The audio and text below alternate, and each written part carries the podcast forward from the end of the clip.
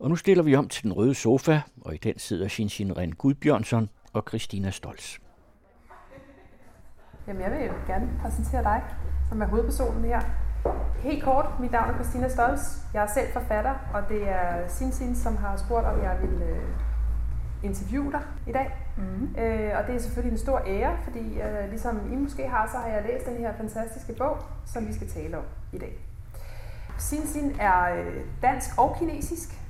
Det er rigtigt, ikke også? Jo. Eller er du egentlig kun kinesisk, men bor i Danmark? Det er, lidt, det er jeg ikke helt sikker på. Øh, altså, jeg er dansk statsborger. Ja, så på den måde er du dansk-kinesisk. Ja. Og du har både skrevet faglitteratur og skønlitteratur. Ja. Du har en master i teologi fra Københavns Universitet og en kandidat i kommunikation fra CBS. Det er rigtigt, ikke også? Jo. Og så har du været tv-vært på en øh, DR-serie, som hedder De fortabte indvandrere. Ja, Sinsin og det fortabte indvandrere. af de fortabte indvandrere. Ja. Det kan godt være, at vi kommer ind på noget af det, men det er jo ikke det, vi skal tale om nu. Nu skal mm. vi tale om den her bog. Ja. Det er en såkaldt øh, fanfiction. En, man kunne måske kalde det en novella. Vi sad lige og talte om det før, hvad mm. det egentlig var. Ja. Altså en, en meget kort roman, øh, som man vel egentlig kalder en novella. Altså ikke en novelle, men en novella. Mm. ja. Men jeg kunne godt tænke mig, at du indledningsvis lige siger noget om det her med fanfiction, og hvad det egentlig er, og så kan vi gå lidt videre ind i, Ja. i det bagefter. Altså, der er mange forskellige måder at forstå, hvad fanfiction er for noget. Mhm. Øh, det kunne for eksempel være, hvis man tager sådan en verden, øh, en fiktionverden, og så laver man øh, noget videre digtning. Det kunne også være, at man tager noget af handlingen, og så udfolder man det i en fanfiction. Man kan også tage nogle af, karaktererne ud af det her univers, og så lave noget nyt. Men de læner sig op af noget originalt værk øh, på en eller anden måde, og så gendigter man. Mm-hmm. Det er det. Ja. For eksempel, øh, vi kan huske, at den der øh, uden øvrig sammenligning, Fifty Shades of Grey var, Ja. var en fanfiction over den der... Øh, Twilight. Ja, præcis. Ja. Ja. Men altså uden øvrig sammenligning, ja. Helt og holdet. det her er en, en fanfiction over Søren Kierkegaards gentagelsen. Ja. Og inden du fortæller om bogen her, mm. Mm. vil du så ikke lige fortælle os kort, hvad det er for dit værk, gentagelsen? Gentagelsen, altså man kan forstå den på mange måder, men for mig der handler det meget om de fejl, vi begår igen og igen i vores liv. Det handler om det der med, at man øh, ikke har så meget selvindsigt, og netop derfor begår vi de samme fejl igen og igen. Øh, I gentagelsen er der det her to figurer, fortælleren, den lidt ældre mand, og så de unge menneske, en ung mand, som kommer for gode råd. Og i min bog, der har jeg ligesom smeltet den sammen. Mm-hmm. Og kaldt bogen derved Den knap så unge mand. Den knap så unge Ja. mand, ja.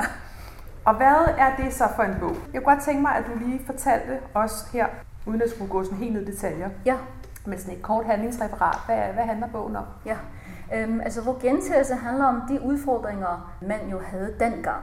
Øh, handler øh, den knap så unge mand jo om det, som mennesket har af udfordringer i dag. Mm-hmm. Øh, så i stedet for uh, de udfordringer, man havde dengang i uh, 1843, så er det så dagens Danmark. Mm-hmm. Og Christian-figuren, han er så en, uh, en knap så ung mand i uh, midtlivskrise. Sådan i midten af 30'erne. Ja, Ja. altså midtlivskrise kommer jo forskellige tidspunkter for forskellige mennesker, mm. men for Christian kommer det altså, når han er det der 35. Han øh, lige pludselig sådan blev lidt utilfreds med konen. Han synes, øh, han fortjener noget bedre og mere. Øh, så, øh, så han, øh, Hvem er det, han er gift med?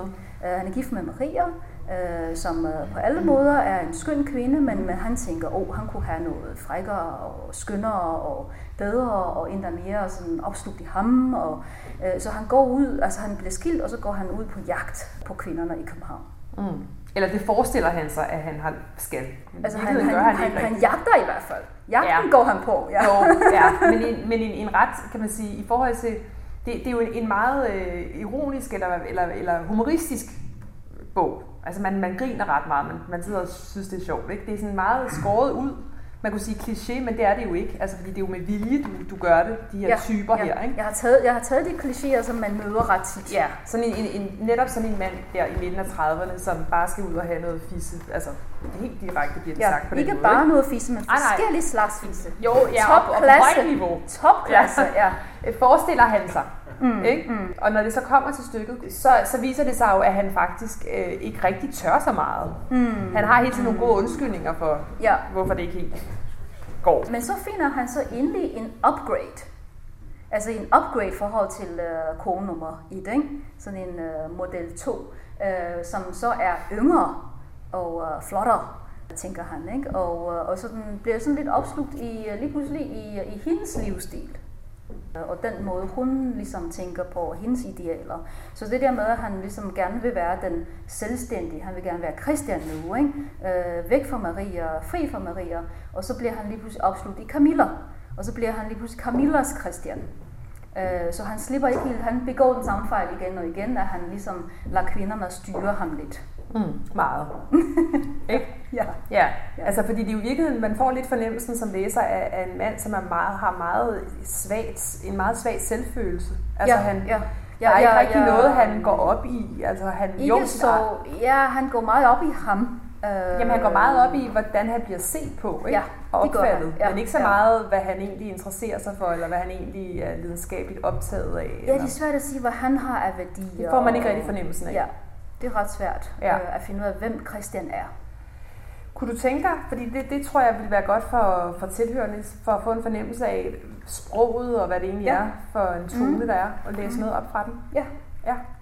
Øhm, der er sådan en lille del her, der beskriver sådan lidt med øh, øh, Christians øh, nye forhold med Camilla. Altså hvordan han ligesom møder det her nye forhold. Og det læser jeg lidt op nu. Mm. Camilla kæmper imod den heteronormative verdensorden, homofobi, bifobi og transfobi. Hun kæmper også imod xenofobi og diskrimination. Hun er i det hele taget imod alt det onde. Camilla læser Marx, Kafka, Camus, Sartre, Simone de Beauvoir og Hannah Arendt. Christian er imponeret over, hvor belæst og intellektuel hun er. Når de læser sammen, citerer hun ofte en af dem for at understrege sin pointe. Christian synes, at Camilla er meget klog. Mm-hmm. Kunne du tænke dig at læse et, et stykke op fra, øh, fra starten, øh, hvorfor han forlader Maria? Ja. Ja, det er sådan det der med, hvor, altså, hvordan Maria har ændret sig. Mm. Men det var jo netop fordi, at Maria ændrede sig, at han ville skilles. Da de mødte hinanden, var hun sjovere, tyndere og mere lederlig, og hun gik meget mere op i ham. Maria arrangerede rejser, weekendture, middag. Hun lavede mad og skabte et hyggeligt og behageligt hjem. Christian var hendes et og alt, og Christian krævede jo bare sin gamle kone tilbage. Den oprindelige, originale vare havde ændret sig og gik derfor under en ny varedeklaration. Ja. ja, og det var et godt sted, fordi det er nemlig det, der er fornemmelsen i bogen. Det, det at han overhovedet kan bruge det udtryk, mm. vare og varedeklaration om mm. et menneske, mm. er rimelig mærkeligt. Mm. Hvorfor har du skrevet det i, det, altså i den der meget sådan kontante, direkte kan du sige noget om, hvorfor det... Man kunne have skrevet sådan en bog på mange måder jo. Ja, ja det Hvorfor rigtigt, har du gjort ja. det på den måde? Jeg ved ikke, om det er så bevidst som sådan. Øhm, jeg kommer fra den der tradition, det skal lige sige, jeg skriver også på kinesisk og udgiver Kina. Mm. Jeg kommer fra den der tradition, at hvor man, altså, man skriver til folket, og man skriver til proletariatet. Altså ikke på den der måde, at man skriver sådan øh, ned til folk, men man skal skrive alt i øjenhøjde. Så alle dem, der kan læse, skal kunne læse og forstå det. Så jeg blev trænet til ligesom at skrive livet af landevejen, hvor man ligesom skærer tingene meget ud i pap og mere kontant og pragmatisk. Mm-hmm. Så det er den måde, jeg har valgt at skrive det. Øh, men jeg ved ikke, hvor bevidst det er.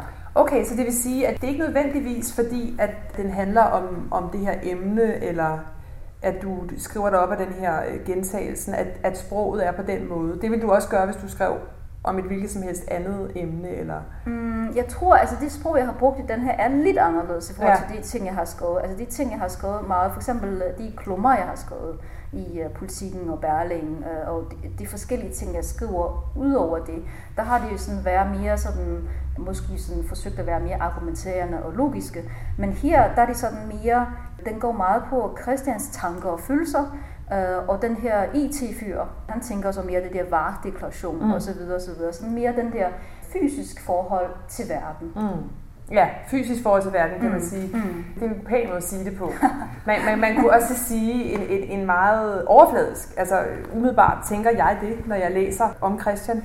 Så tænker jeg, at han, han har ikke noget indre liv. Det er i hvert fald ikke noget, man får beskrevet på nogen måde, vel? Altså jeg tror, øhm, det, det er Han svært at ydre ting hele Altså, jeg vil helst ikke øh, dømme ham til at være overfladisk, for jeg er også selv overfladisk på mange punkter. Men han er i hvert fald ret anderledes i mange, der ligesom er meget følelsesorienteret. Han er nok ikke lige så følelsesorienteret, som man kunne være. Men nu har jeg jo selvfølgelig, jeg er lidt bias, fordi jeg har sådan en svaghed for øh, svage mænd. Øh, jeg har, Du opfatter ham som en svag mand. Ja, det gør jeg. Det Så sig noget om det. Ja, øhm, altså en svag mand for mig, det er ikke sådan noget fysisk som sådan. Det er fordi øh, Christian, han er ligesom en, der lader sig hæve lidt med. En, en stærk mand, han står fast. En, en svag mand, han, øh, han følger ligesom øh, andre. Han følger flokken, så at sige. Ikke? Han ligesom gør nogle ting for at behage andre, i stedet for at tænke over, hvad er det, jeg egentlig gerne vil have selv. Men er det ikke for- også en svag kvinde, så hvis en kvinde gør det samme? Jo, jo, absolut. Så du mener mener bare et svagt menneske, Ja. sådan set? Ja, ja, ja. Men jeg, jeg er bare lidt fascineret af den svage mand. ja. Øh, mens jeg, hvis jeg ser noget fiktion om en svag kvinde, så føler jeg måske lidt sådan, så bliver jeg lidt sørgelig, sørgmodig, øh, fordi jeg føler, at det sådan, jeg kan godt relatere til det, øh, fordi på mange måder er jeg også en svag kvinde. Nogle vil måske sige, at man er stærk, men altså, man har altid en svag side, som man så spejler sig i og bliver lidt ked af det. Men når jeg så ser en, øh, en svag mand, så, så bliver det sådan mere sådan en tragikomisk udtryk Mm. for mig. Så det du siger om Christian er, at han lader sig rive med af, Ja. af ydre påvirkninger. Ikke? Mm, Altså mm. andres måder at se verden på, eller Ja. gøre ting på, så, så Mm. lader han så, så styre af det, hvis han, hvis han kommer ind i en slipstrøm af et Mm. eller andet. Mm. Okay. Men i forhold til gentagelsen, kan du vise os, hvordan, hvordan du skriver dig op af den? Altså, er Ja. der nogle steder? Ja. ja. Yes. Der er nogle steder i bogen, der er mere konkret inspireret af gentagelsen, og så er det andre, det er sådan mere sådan en stemning, Mm-hmm. der ligesom kører på det stemning, der er i gentagelsen. Så når man har læst gentagelsen, så kan man forhåbentlig føle den her frustrerende gentagende følelse af, at man ligesom ender i det samme tankespin hele tiden. Men øh, der er lige et sted, øh, jeg skal lige øh, se, jeg har skrevet sådan en Søren Kierkegaard henvisninger ned. Det er sådan nogle rigtig nørdede henvisning. Øh, den hedder SKS 24, og det betyder værk 4, det er gentagelsen 20, det er afsnit. Det er ligesom sådan en bibelsk henvisning. Mm. Og det er et stykke fra gentagelsen. Jeg kan tilgive en pige alt, men jeg kan aldrig tilgive hende, at hun i sin kærlighed tager fejl af kærlighedens opgave. Når en piges kærlighed ikke er opoffrende, så er hun ingen kvinde, men en mandfolk. Og så skal jeg altid gøre mig en fornøjelse at lade hende hjemmefalde til hævnen eller til latteren. Øh, og så er det jo det der lille stykke, som vi også har læst lidt før, øh, side 29 med.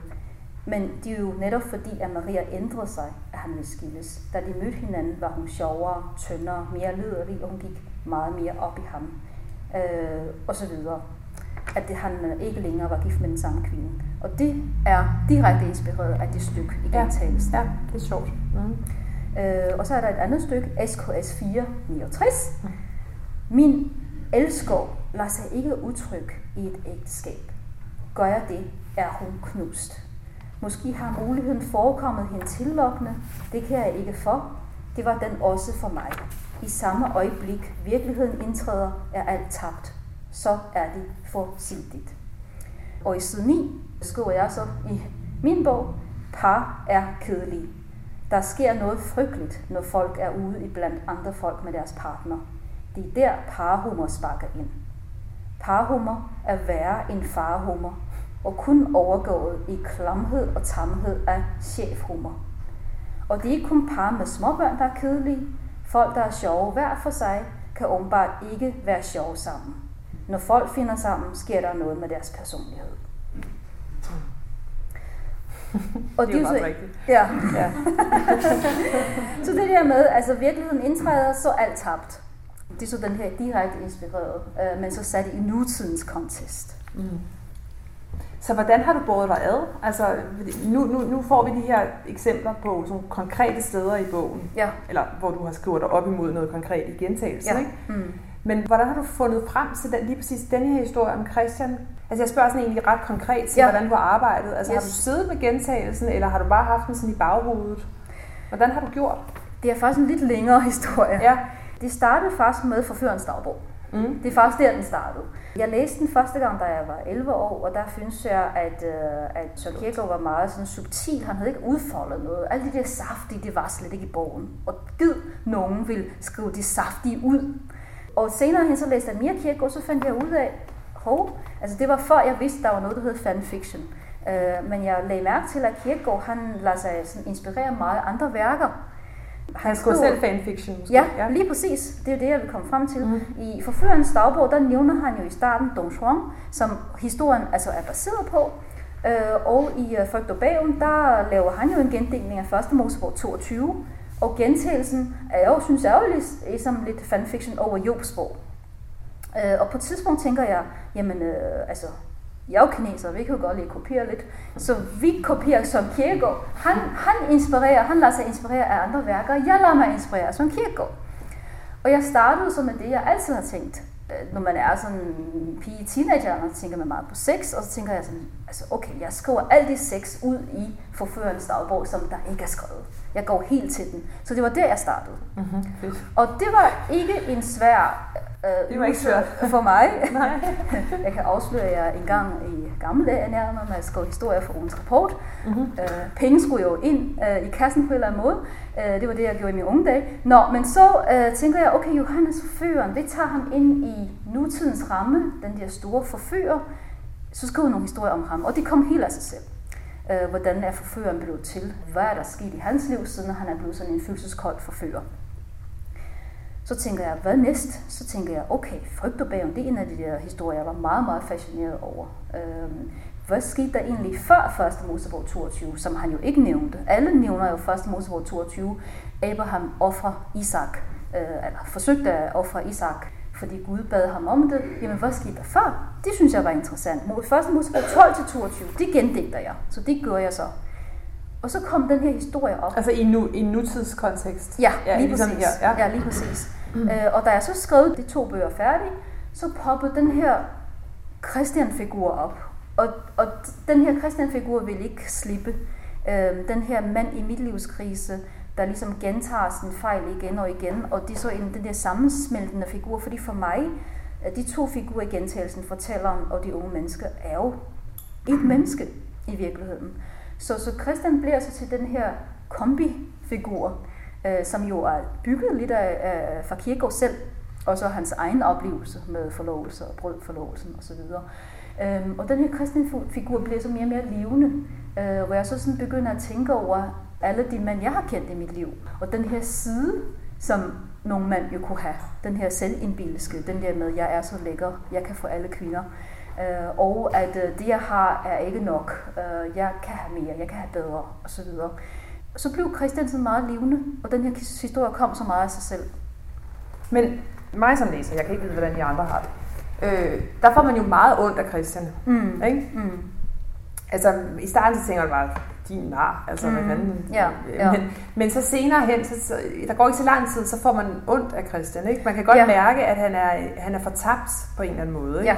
Og der er slet ikke nogen af de indre forestillinger, han har om sig selv, der er i overensstemmelse med virkeligheden på nogen som helst mm. måde. Vel? Mm. Hvad har du selv tænkt? Har du, har du selv den følelse, at det er synd for Christian? Eller hvordan? I starten, da jeg skrev, han begyndte at skrive ham, så tænker jeg, ha, det har han rigtig godt af.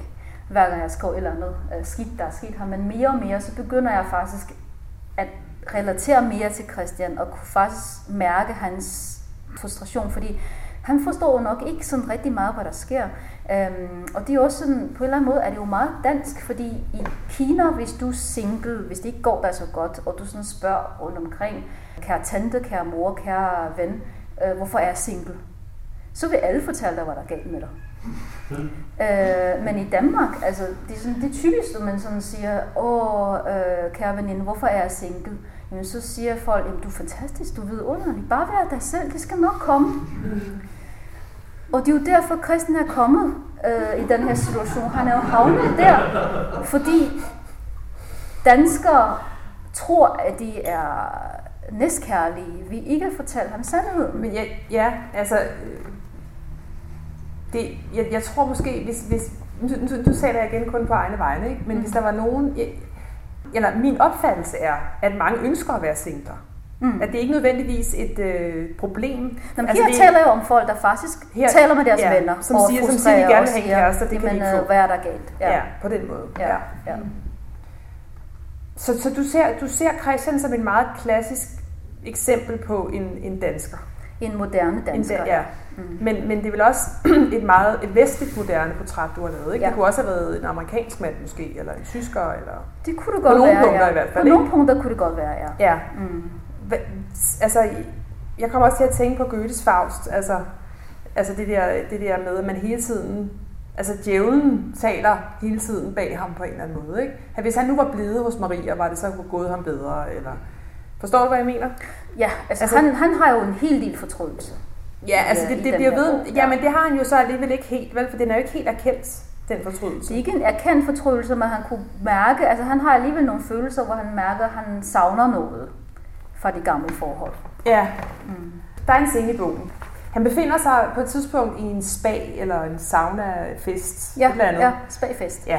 Og, og, og der tænker han, her finder jeg the one and only. Nej, han tænker, her finder han bare en, han kan, han kan score, ikke? Jamen, Nå, lad ja, ja. det her. Mm. Så lægger han mærke til en kvinde, som er møglækker, synes han, ikke? Ja. Øh, hun er helt klart den, han skal score. Og Ja. hvad finder han så ud af? Han finder ud af, jamen gud, det er jo faktisk hans eks. Hun har bare opgraderet sig selv. Hun har tabt sig, hun har solariebrun, eller whatever, højhæle, et eller andet. Ja, ja, ja. Og så, så føles han af, han føles ikke af sorg eller vrede. Han føles nærmere af sådan en nærmest skam over at se, at han kan faktisk ikke score hende. Fordi der er nogle andre, der er i gang med at score hende, som er meget mere interessant end ham. Det synes jeg siger ret meget om hans karakter. Mm. Altså fordi, hvis, hvis han nu havde følt sorg, eller pludselig så ser han, så bliver sløret revet væk af han fra hans øjne, og han kan se hende rigtigt, eller Mm. han bliver vred på hende over, at hun pludselig ser sådan ud, men det er ikke det, han føler. Han føler, sig, han føler skam, og han løber nærmest ned i sit lille musehul.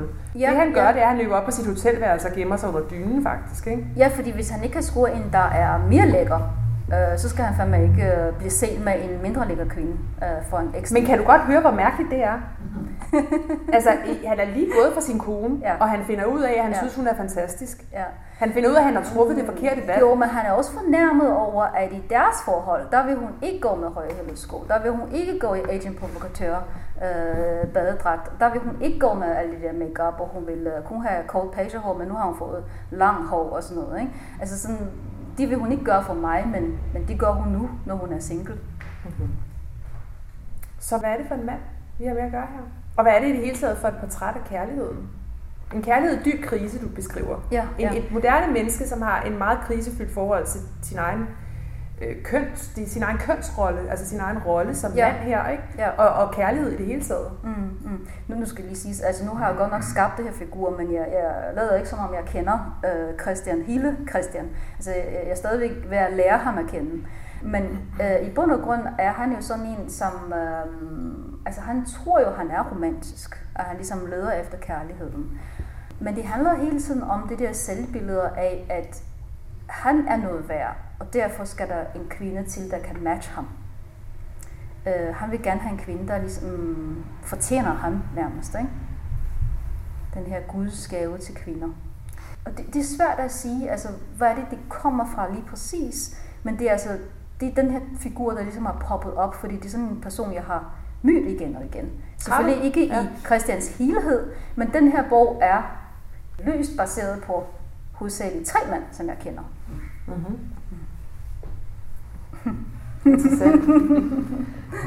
Og de kan ikke se sig selv. Nej, De har læst bogen, men de kan ikke se sig selv. de kan ikke se sig selv i din bog. Nej, slet Nej, ikke. Slet okay. ikke. Nej. Men til gengæld er der mange mænd, som jeg kender, som tror, at de er dem. Altså, de kan se sig selv, i bogen, men det handler ikke om dem. Og så bliver de fornærmet, eller hvad? Ej, dem, der, der tror, de kan se sig selv, de morer sig over det, og tror, jeg har baseret det på dem, Okay. men det er altså ikke dem. Nej. Det er meget klassisk. Men den her ironiske distance, der er i skriften, mm. ikke i Christian, men i skriften, altså i fortællerens måde at skrive, eller fortælle historien på. Altså, øh, det er jo skrevet i tredje person. Mm, mm, Så der er ligesom den her distance til, til, til karakteren og til ja. Karaktererne. mm. Og som I også kunne høre det, der blev læst op før, altså det er jo en ironi, der hele tiden ligger sådan og gennemstrømmer det hele. Ikke? Og nu ved jeg godt, at du måske ikke er så bevidst om, hvorfor du har gjort det på den måde, men alligevel så tror jeg, du er mere bevidst om det, end du selv lige mm, ved. mm. Fordi det er, det er jo meget gennemført. Der er ikke nogen sprækker. Det, det er meget, meget gennemført, der sidder forelæggeren, ikke også? Ja. Det er en meget øh, gennemført, øh, flot historie. Når jeg siger, at der ikke er nogen sprækker, så mener jeg det i forhold til stilen i, i måden, den er skrevet på. Så den her ironi, den gennemstrømmer hele historien. Grunden til, at jeg har valgt at fortælle den her historie udefra, det er fordi, jeg har tænkt, at jeg vil ikke være dømmende over for Christian. Jeg vil lade læseren øh, komme frem til, hvad Christian er for en person. Jeg fortæller tingene, som det er. Hvad er det, Christian tænker? Hvad er det, hvordan er det, omverdenen reagerer i forhold til Christian? I stedet for at komme med den der løftende pegefinger, som man godt kunne, så er det altså en udefra kommende stemme. Men det er, jo, det, er jo, det er jo så, det kan man sige, det er tredje persons instansen. Ja, og ikke? hvis det var første person, øh, så ville jeg skulle øh, gå ind og forklare nogle flere ting. Altså, hvorfor er han sådan? Ja, så, skulle, så ville man være i hans indre liv, ikke? Altså, ja. så hans tankegang og hans ja. sådan. Ja. Men en ting er tredje persons fortæller, en anden ting er, de, er den ironiske gennemstrømning i den stemme. Fordi man kan godt lave en tredje persons fortælling uden at være ironisk. Mm. Hvorfor er den ironisk? Ja, jeg ved skam ikke rigtigt. Altså, jeg, jeg gentager jo ligesom bare de ting, jeg hører nogle gange, og de ting, jeg fornemmer nogle gange med mennesker, jeg møder.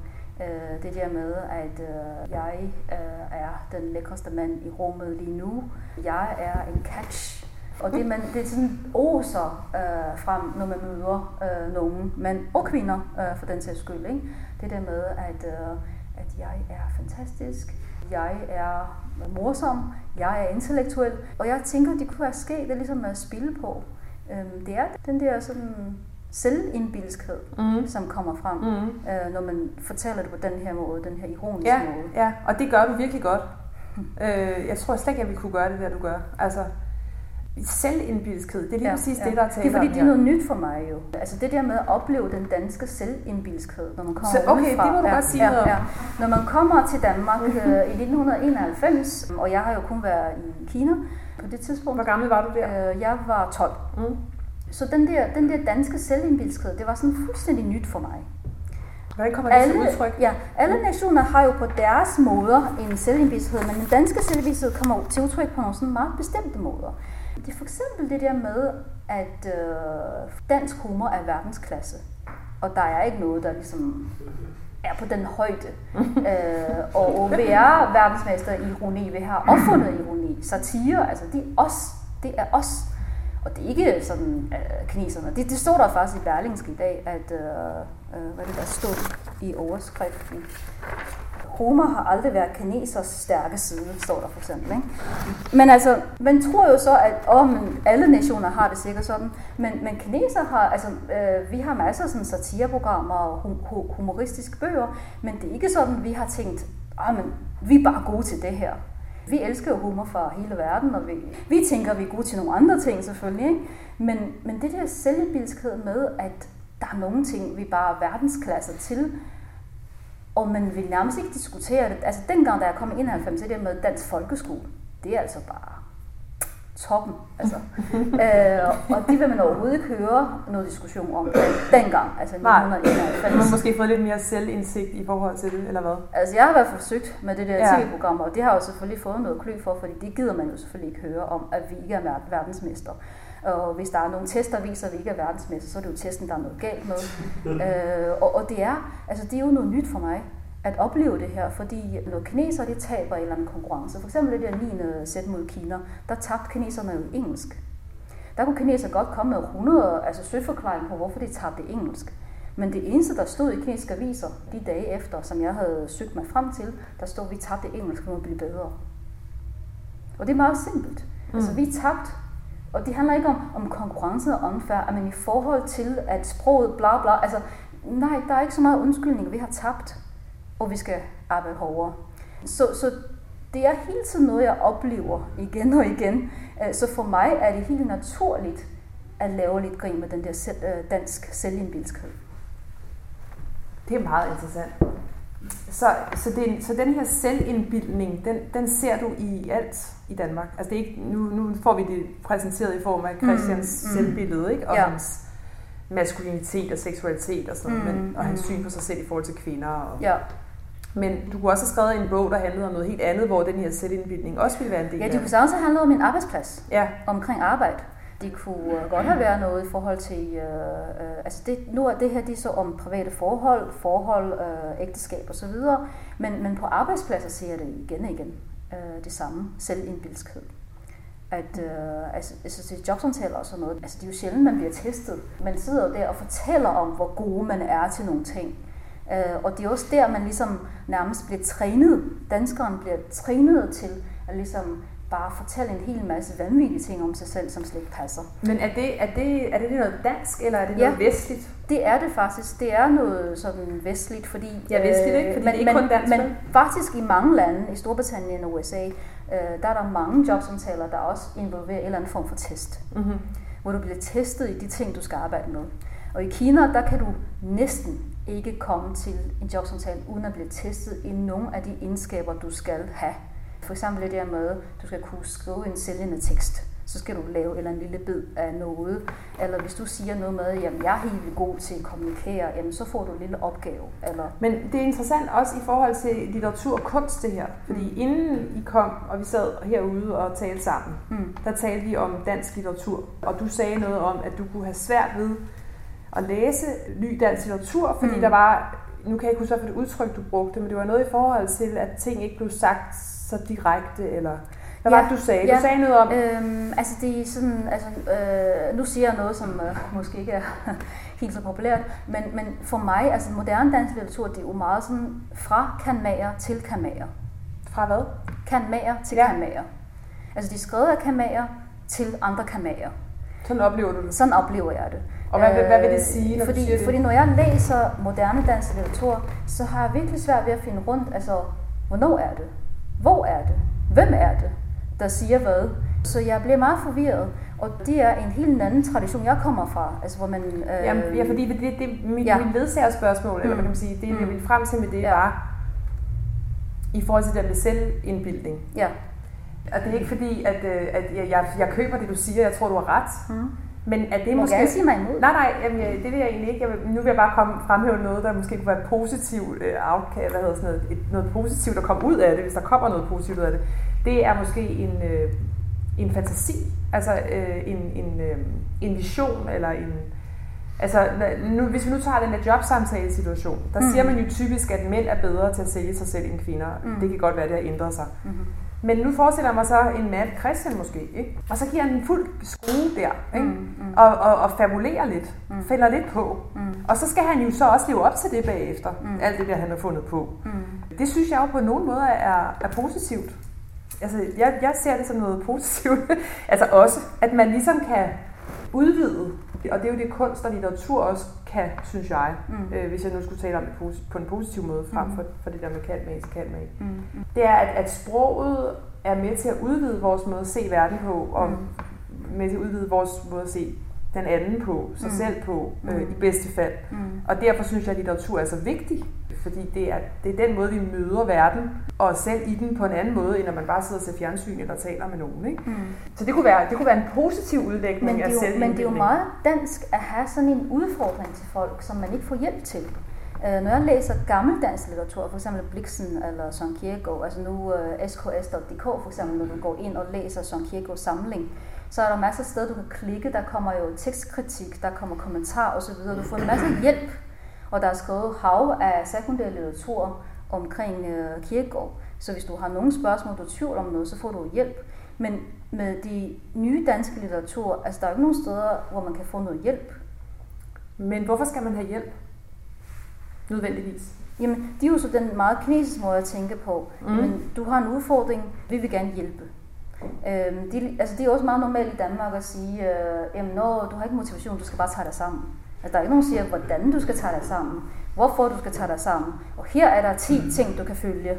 Øhm, så, så jeg tror, at øh, jeg er jo nok mere vant til at sige, øh, du, altså man hører hele tiden i Danmark, om du skal læse nogle flere bøger. Du skal læse noget af de gode litteratur. Du skal ikke sådan bare læse det der populære bøger, siger folk. Ikke? Men man kan ikke få noget hjælp. Jeg kunne godt tænke mig, at der kom noget mere sekundær litteratur, der går ind og forklarer lidt mere omkring nye øh, litteratur, sådan på en pædagogisk måde hvor jeg kan få lidt hjælp til at forstå, jamen, hvordan kan vi værdsætte det her? Fordi jeg synes også, det er spændende at læse ny litteratur. Ligesom da jeg øh, skulle læse Kirkegaard, hvor jeg fik masser af hjælp, sekundær litteratur. Jeg havde, der var kurser og seminarer, jeg kunne komme på for at læse kærlighedsgerninger, for eksempel i løbet af et semester. Mm-hmm. Det er jo interessant, det her, synes jeg. Jeg, jeg tror ikke kun, at, at, at det her taler sig ind i en kultur øh, kløft, eller, altså det gør det også, det ved jeg godt, det Mm. gør, at det er stor forskel på Mm. Kina og Danmark, ikke? Mm. Sikkert. Altså det ved jeg jo ikke, jeg har ikke været i Kina, men ud fra det, du fortæller mig. Mm. Men, men jeg tror da også, at det, at det taler sig ind i, i klasseting, altså i Danmark, Mm. for eksempel, ikke? Mm.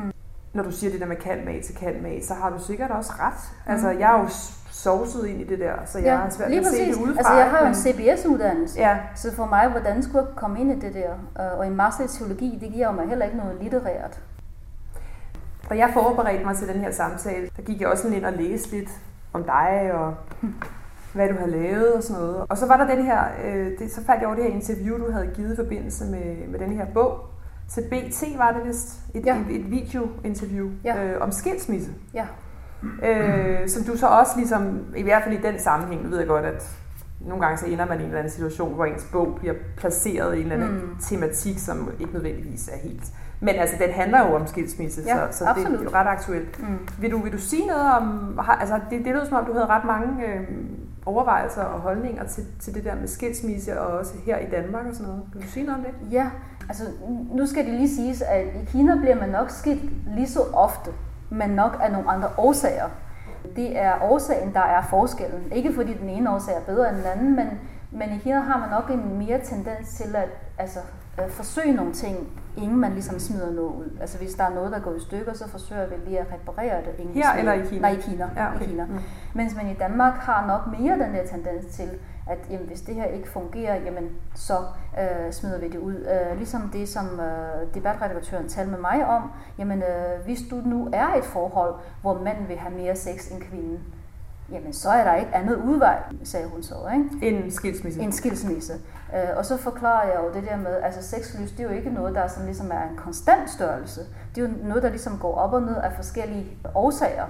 Øh, og det er jo vigtigt at ligesom måske kigge på, jamen, altså det der, vi snakkede om netop med, at øh, jamen, altså, jeg kan jo ikke bare, øh, altså det hele flyder, og jeg har en hel masse at lave, der er opvask og det hele, men åh, jeg knaller alligevel. Øh, sådan fungerer det ikke for mange, for eksempel. Ikke? Altså, så, så, så man kunne jo gå ind og ligesom forstå, hvad er det for nogle mekanismer, der gør, at du har nogle behov, jeg har nogle behov, og så prøve at finde hinanden, i stedet for at sige, jamen, det kan vi ikke gøre noget ved. Så det du siger er, at, at der synes du, danskere giver for hurtigt op i virkeligheden? Ja, på det punkt, ja. Ja. Mm. Mm. Var det noget af det, du havde med, i, altså da du skrev bogen? Var det, var det nogle af de tanker, du også havde i forhold til, at Christian han ligesom...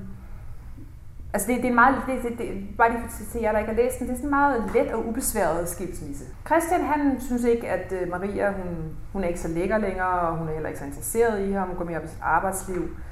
Og så får hun et tilbud om at skulle, øh, hvad er det, hun får et tilbud? Et, et, et, et Hvor hun arbejdstilbud. skal rejse noget Ja, mere, ja. forfremmelse. Og, og så siger han, Nå, altså, det synes han egentlig ikke er i orden, så øh, nu må hun vælge mellem den forfremmelse og ham. Ja, Og så- altså han giver, han, fa- han giver hende ultimatum. faktisk en hel masse ultimatum. Altså han vil gerne have mere sex, mindre snak om arbejde, Ja. når hun kommer Ja. hjem. Øh, og i det hele taget, altså, øh, så, så han har ikke sådan ligesom direkte krævet skilsmisse. Han har ligesom givet hende nogle krav. Ja, Okay, det her, det kunne jeg godt tænke mig i ægteskabet. ja sådan meget konkrete ting. Ikke? mm. Det, er ikke, det er ikke særlig mystisk, det er meget konkret igen. Mm. Og så siger Maria, så går hun i tænkeboks et par dage, og så siger hun, om det vil hun ikke.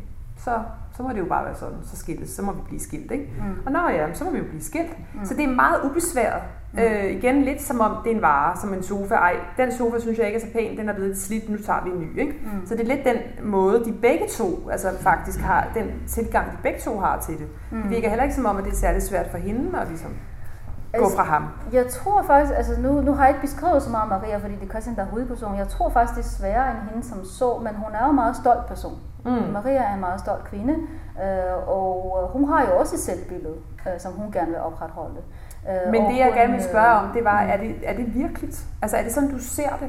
Tror du, tror du mange har det sådan, når de bliver skilt? Jeg har faktisk øh, været altså på tæt hold med nogle, øh, nu skal vi ikke sige øh, helt præcis, men Nej. altså nogle øh, venner og bekendtes skilsmisse, hvor det gik ret tjept. Og hvor de også følelsesmæssigt lod til at være relativt ubesværet. Nej, men jeg, jeg tror faktisk ikke, Maria følelsesmæssigt var ubesværet. Hun Nej. Nej. lå sig bare altså, skille hurtigt. Altså hvor hun har gået igennem efterfølgende, det har jeg også beskrevet i bogen, med den der, den der periode, hvor hun mødte den nye mand, var hun jo allermest nede. Hvor hun mødte den der fantastiske mand fra Singapore, var hun jo også øh, helt nede i dalen, øh, både fysisk og fysisk på det tidspunkt. Øh, så, så jeg tror ikke nødvendigvis, at man har følelsesmæssigt ubesvær generelt med at blive skilt. Men den beslutning med skilsmisse, den går ret hurtigt. Jeg tror jeg ikke, vil jeg så sige. Der okay. tror jeg, du så fejl. Okay. Men jeg skal ikke, altså det kan jeg jo ikke vide, for jeg kan jo ikke tale på alle danskers vegne. Nej, nej, jeg, jeg kan jo også jeg kun, kun tale, for, for de ja. kun tale for de mm. omkreds, mm. jeg ligesom færdes i. Mm, ja. øh, og det kan godt være, at når jeg færdes i folk, der arbejder i finanssektoren og øh, medicinalbranche og IT, altså det er der, jeg er oprindeligt uddannet, og det er der, jeg ligesom øh, kender folk, øh, så er det det, jeg oplever. Men det er ikke dermed sagt, at alle CBS'ere vil have skilt på den her måde, mm. men det er jo de folk, jeg kender. Mm. Mm. Ja. Hvor de sådan ligesom, øh, altså lige præcis ligesom her, huset i Rundsted blev sat til salg, bum. Sjællands Øje Sommerhus blev sat til salg, bum. Altså, mm. øh, hvor, hvor man øh, hører om den der beslutningsproces udefra, altså virkede det ret hurtigt. Ja, udefra. Mm. Men man ved jo ikke, hvad der er foregået inde i bag dørene i de sidste 3-4 år. Det så er det i hvert fald noget, de ikke får fortalt. Ja, helt sikkert. Øh, så, øh, Som de ikke fortæller til andre. Øh, og, og, og altså, så kunne det være, at øh, om de, de har været gift i et år, men altså, de er et år i helvede, øh, og så nu er de skilt. Det kunne jo sagtens være. Mm. Ja, men altså, jeg kan kun anbefale jer at læse bogen. Den er jo ret hurtigt læst, fordi den ikke er særlig lang, og den er meget øh, let øh, sådan i sin sprogtone. Den er øh, skarp og præcis, og øh, tillykke med den. Og tak for samtalen, og tak fordi I kom. Tak.